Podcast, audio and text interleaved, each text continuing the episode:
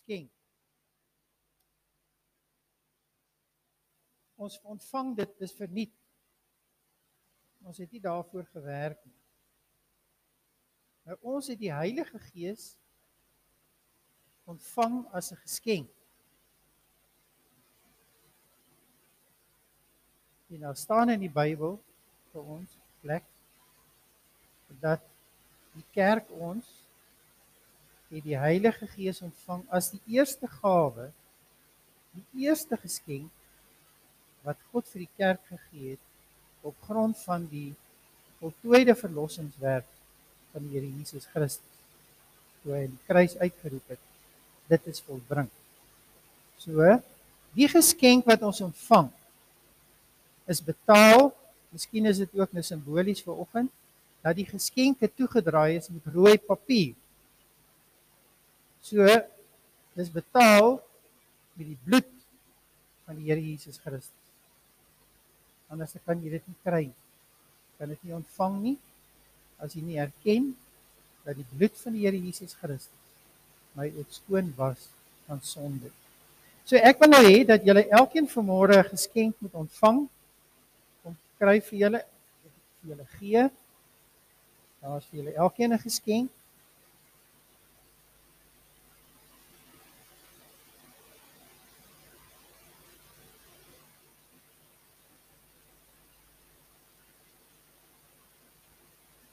Daar sê en wat maak 'n met 'n mens met 'n geskenk? Jy maak dit oop. Kom.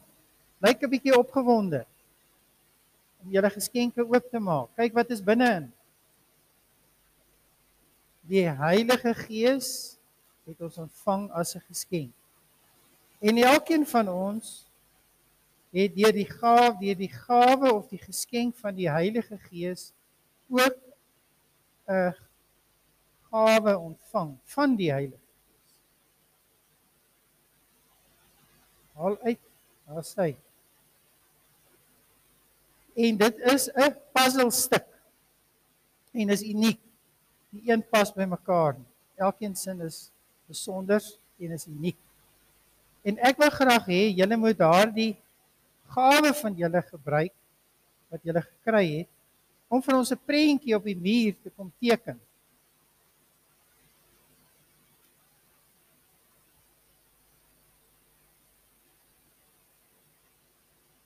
Goed.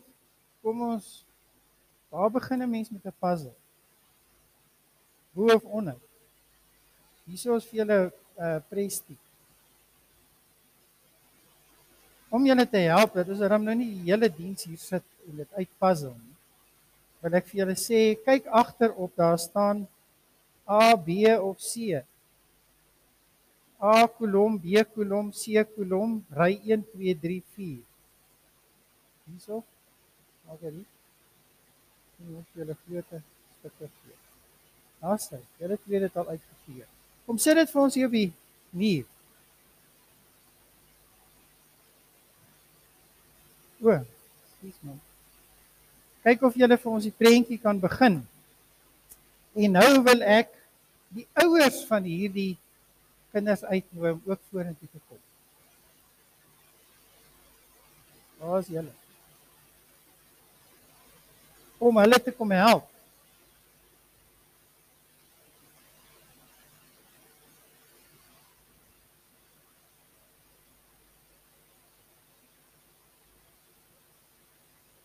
En so ontvang julle elkeen ook 'n talent. Sy sê juffrou sê weet waar om te kyk. Dan sê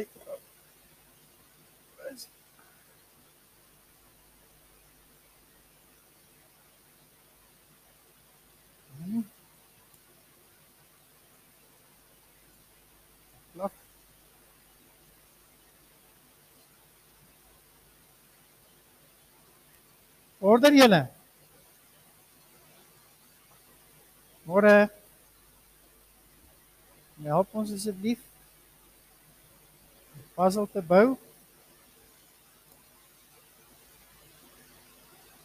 Hier. Johan. Ah, die puzzles is klaar, maak jy sommer hierdie persoon.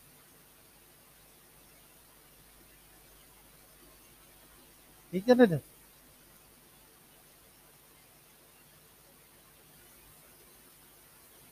Kan kan ek vir julle kan ek julle help? Kan ek wie, wie kyk agterop, nê? Nee, wie het A4? Was okay, wat ah, nou gaan kom hulle. Kom hulle. Mooi.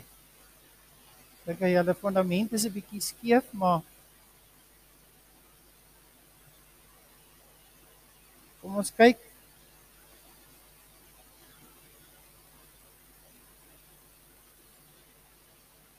Gelukkig is dit nie 500 stukke nie, net 12. Dis 12 disipels.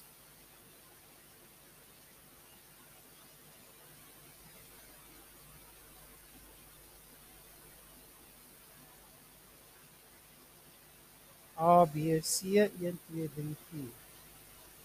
Daar sy, daar sy. Kom maar nou.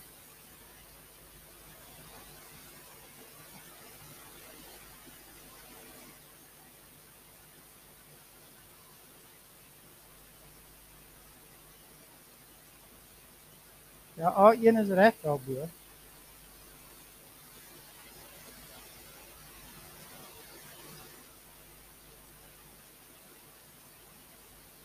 En Margriet daar stukkie in.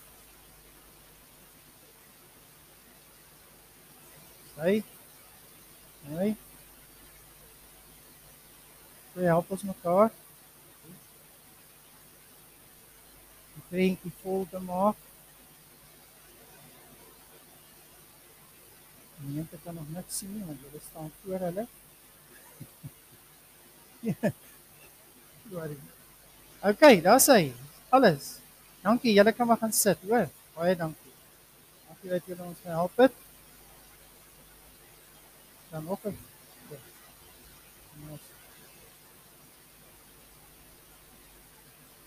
En nou lê net 'n klomp geskoop gemaakte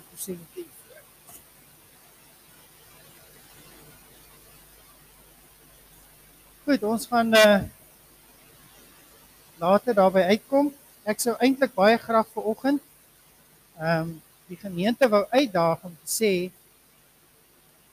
wat sien jy in hierdie prentjie behalwe dat jy kan sien is 'n prentjie van die kerk. Maar wat sê hierdie puzzle vir jou? En uh so interessant wees om te hoor wat Wat is julle gewaarwording of julle afleiding? Kom ons lees saam skrifgedeelte vir oggend. Is uit Titus 3 uit. As ons dit op die bord kan kry, skerm.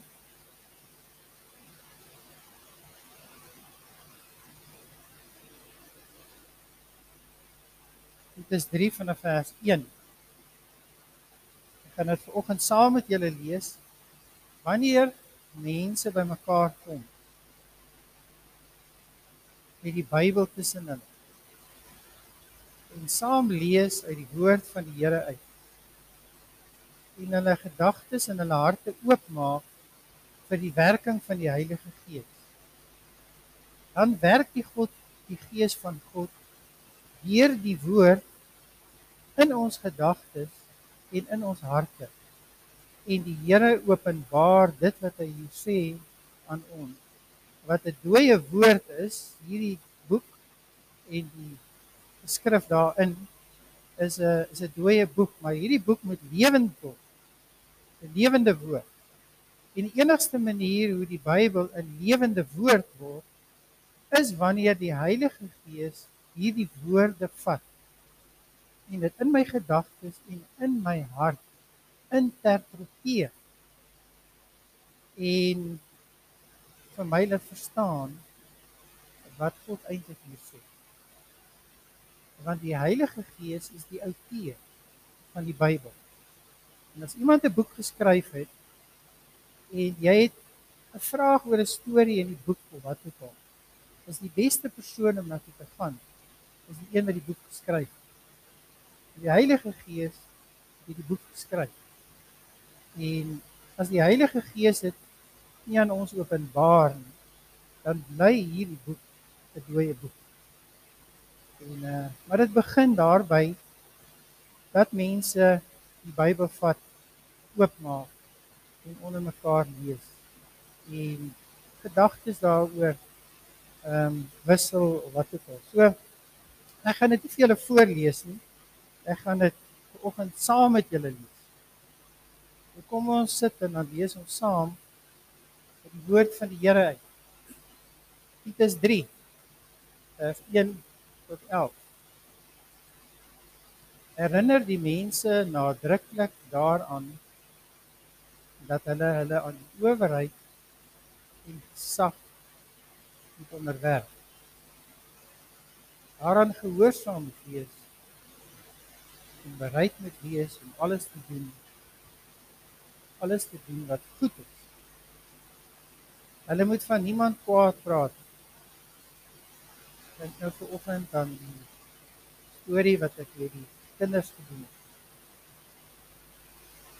Nie risie soek nie. Dit is skrikkelik altyd bedagsaam teenoor almal. Vroeger was ons ook onverstandig, ongehoorsaam, op die verkeerde pad, slaaf aan allerlei begeertes en sinsgenot. Ons het ons lewe in kwaadwilligheid en jaloesie deurgebring. Ons was haatlik en het mekaar gehaat. Maar toe het die goedheid van God ons verlos en sy liefde vir ons geskei. Hy het ons verlos. Nie op grond van iets wat ons vir ons vryspraak gedoen het, maar op grond van sy eie ontferming. Dit het hy gedoen en wedergeboor. Die sonde af was deur die Heilige Gees wat die nuwe lewe En God het die Heilige Gees oorvloedig ons uitgestort deur Jesus Christus ons verlos. En so is ons dan deur sy genade vrygespreek. Erfgename geword van die ewige lewe wat ons verwag. Dit is 'n betroubare woord. Daarom wil ek hê dat jy van hierdie dinge met groot nadruk getuig.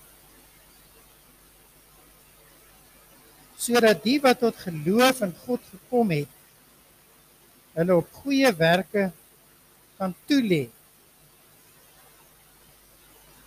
Werk wat goed en nuttig is vir mense.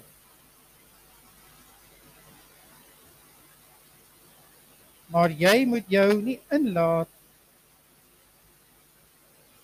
met dwaase stryd vra en geslagsregisters en met getwis en stryery oor die wet van Moses nie. Want dit is nutteloos en sinloos. Met iemand wat na twee vermaanings nog skering veroorsaak, het jy niks te doen nie. Omdat jy weet dat so 'n man op die verkeerde pad is. Deur sy sonde bring hy die oordeel oor homself. Tot sover skriflesing.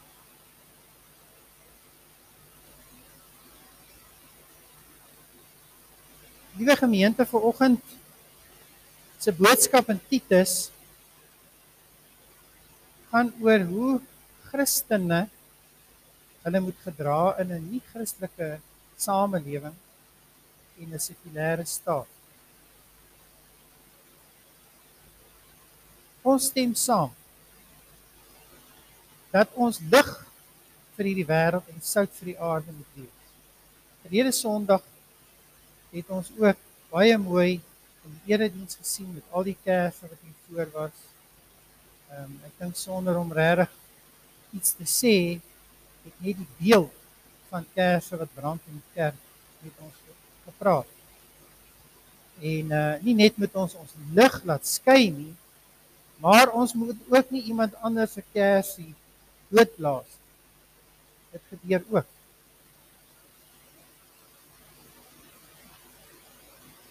Ons leef in 'n korrupte en 'n immorele samelewing. Nou sê die Here vir ons in sy woord ons moet steeds die owerheid gehoorsaam. Want owerhede en instellings en regerings is daar gestel om wet en orde te handhaaf. En daar is geen gesag. Daar is geen gesag wat nie van God afkom. Romeine 13 lees dit. Daar En daarom moet ons dit hulle gehoorsaam. En omdat die owerheid deur God daar gestel. Die eerste gelowiges in die Bybel waarvan ons lees was ook onderdruk deur regerings en deur owerhede wat hulle nie goed gesind was. Inteendeel Hulle is nie net onderdruk nie, maar hulle is hulle is ehm um, hulle sondebokke gemaak vir die immorele gedrag van die leiers van daai tyd. Nero het byvoorbeeld die Christene die skuld gegee vir sy swak regering. En ehm um, hulle doodgemaak.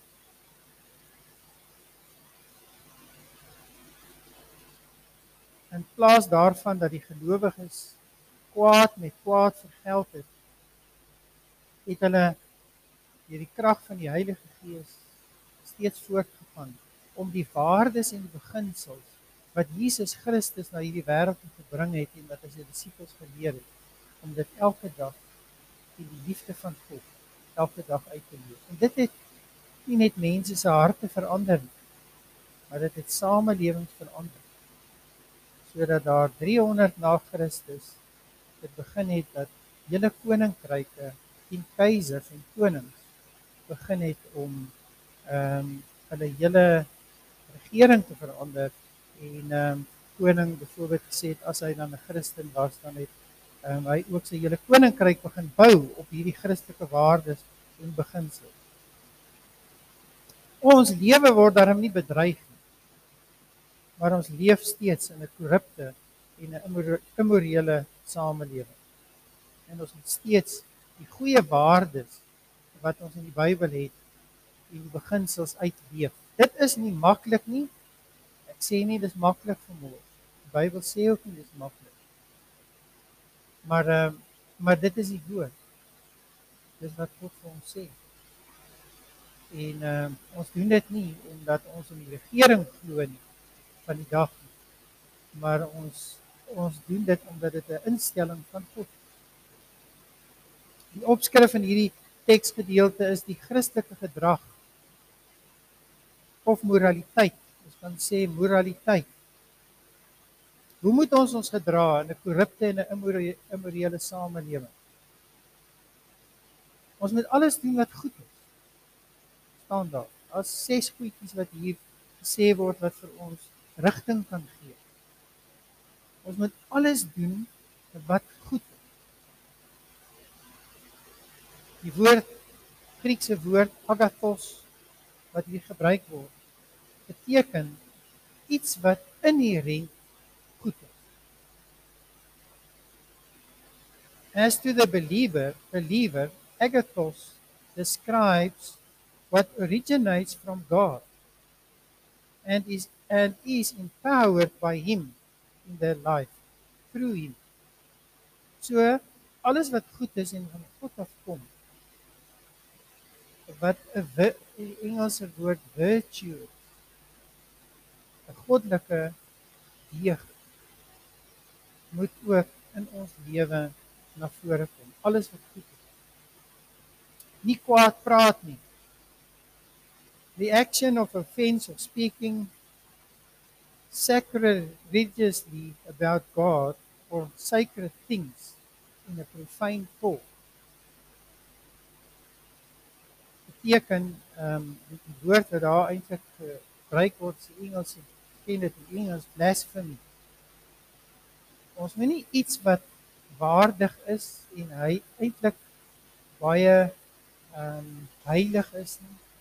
Ehm um, ontheilig hierdie manier wat ons daaroor praat. En ek dink Jakobus skryf ook daaroor as hy praat van die tong. Uh die mag van die tong. So wat ons praat en hoe ons oor goed praat uh is baie belangrik. Ons moet nie risie soek nie. Don't quarrel. As die mere begin opvlam, sal dit goed wees as jy die raad van Spreuke 7 vers 14 volg wat sê verwyder jou voordat jy voordat die risie uitbreek. Ek het dit nou gister weer so mooi gesien by die rugby. Dink aan 'n rugby wedstryd.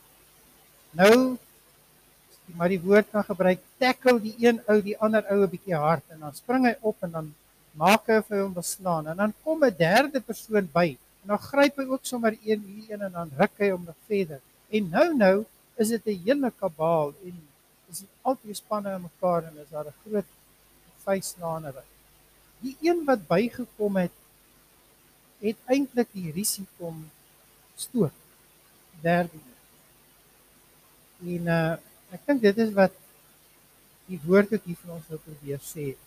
Waar daar konflik in goed is en jy dit bespeer. Dit is baie keer beter om om te draai en weg te loop en dit nie net te probeer om op 'n gewelddadige manier op te los. Van dit nie regkry. En nie risie stoot nie. Wees inskikkelik. Die Engelse vertaling gentle, mild, fair, reasonable, moderate. Filippense 4 vers 5 sê: Wees inskikkelik teenoor alle mense. En dra so by tot die ordelike en vredesame lewe. Bedagsaam. En nog 'n deeg wat daar vir ons genoem word. Ordelike deegte hier. For the believer, meekness begins with the Lord's inspiration and finishes by his direction. Dagsaamheid is iets wat ook geïnspireer word deur goddelike krag, deur die Heilige Gees kan ons maar sê. En wat dan ook vir 'n mens rigting gee en vir mense rigting gee in die lewe. It is a divine balance virtue that can only operate through faith. Jy moet geloof hê om bedagsaam te kan wees. Jy moet geloof geloof hê in 'n groter mag, in 'n hoër hand. En ons sal sê die gees van God wat deur my werk en my lei bedagsaam te wees. Moraliteit Christelike gedrag.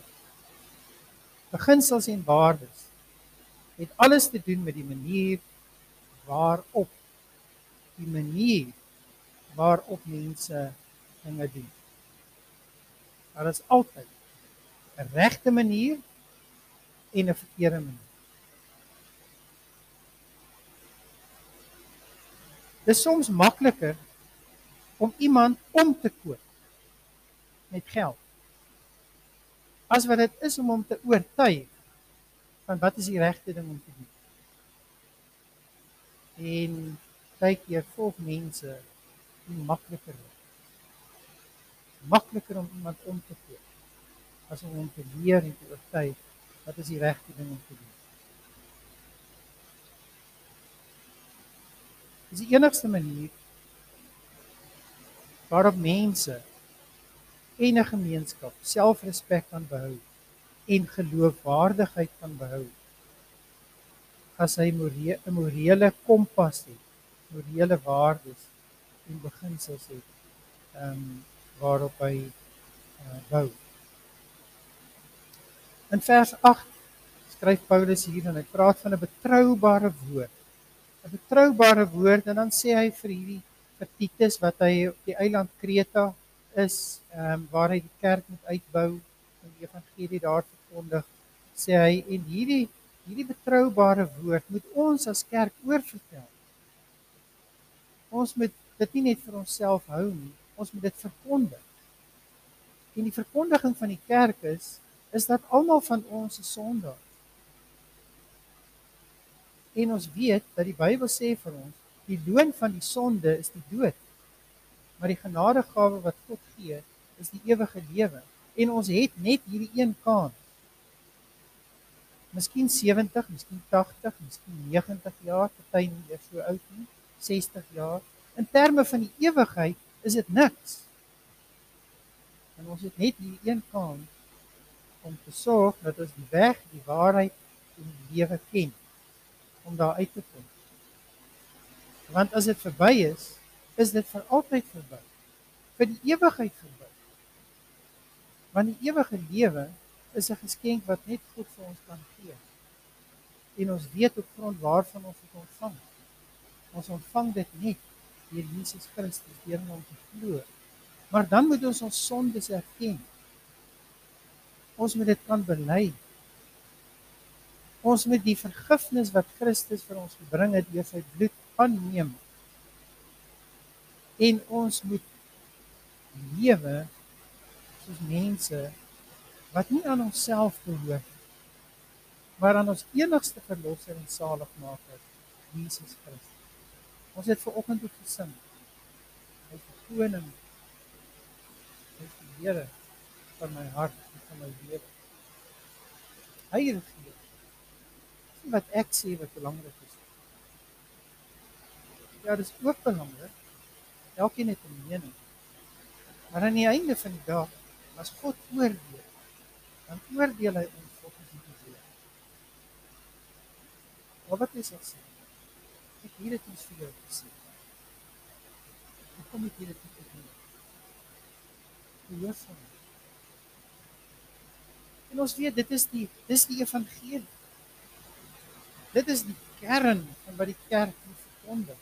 Nie dogmas, al hierdie goed wat ook mense verdeel nie. En dit is hoekom Paulus dan ook die later in die brief skryf hy ook vir Titus sê vermaan hierdie gesprekke, hierdie oosgesprekke wat nie nie.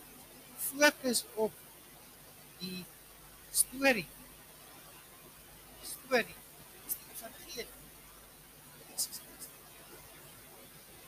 Dit gaan keer en keer en keer.